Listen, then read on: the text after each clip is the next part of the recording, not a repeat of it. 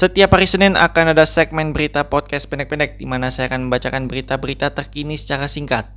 Memang segmen berita podcast pendek-pendek dari musim pertama itu selalu menantang buat saya. Karena saya harus mencari berita-berita yang terkini yang sekiranya menarik untuk saya bacakan baik dari dalam negeri maupun luar negeri. Kemudian setelah saya menemukan berita-beritanya, saya rangkum beritanya menjadi 1 sampai 2 kalimat. Setelah itu saya mengurutkan berita-beritanya dari yang saya bacakan pertama sampai yang terakhir. Begitu.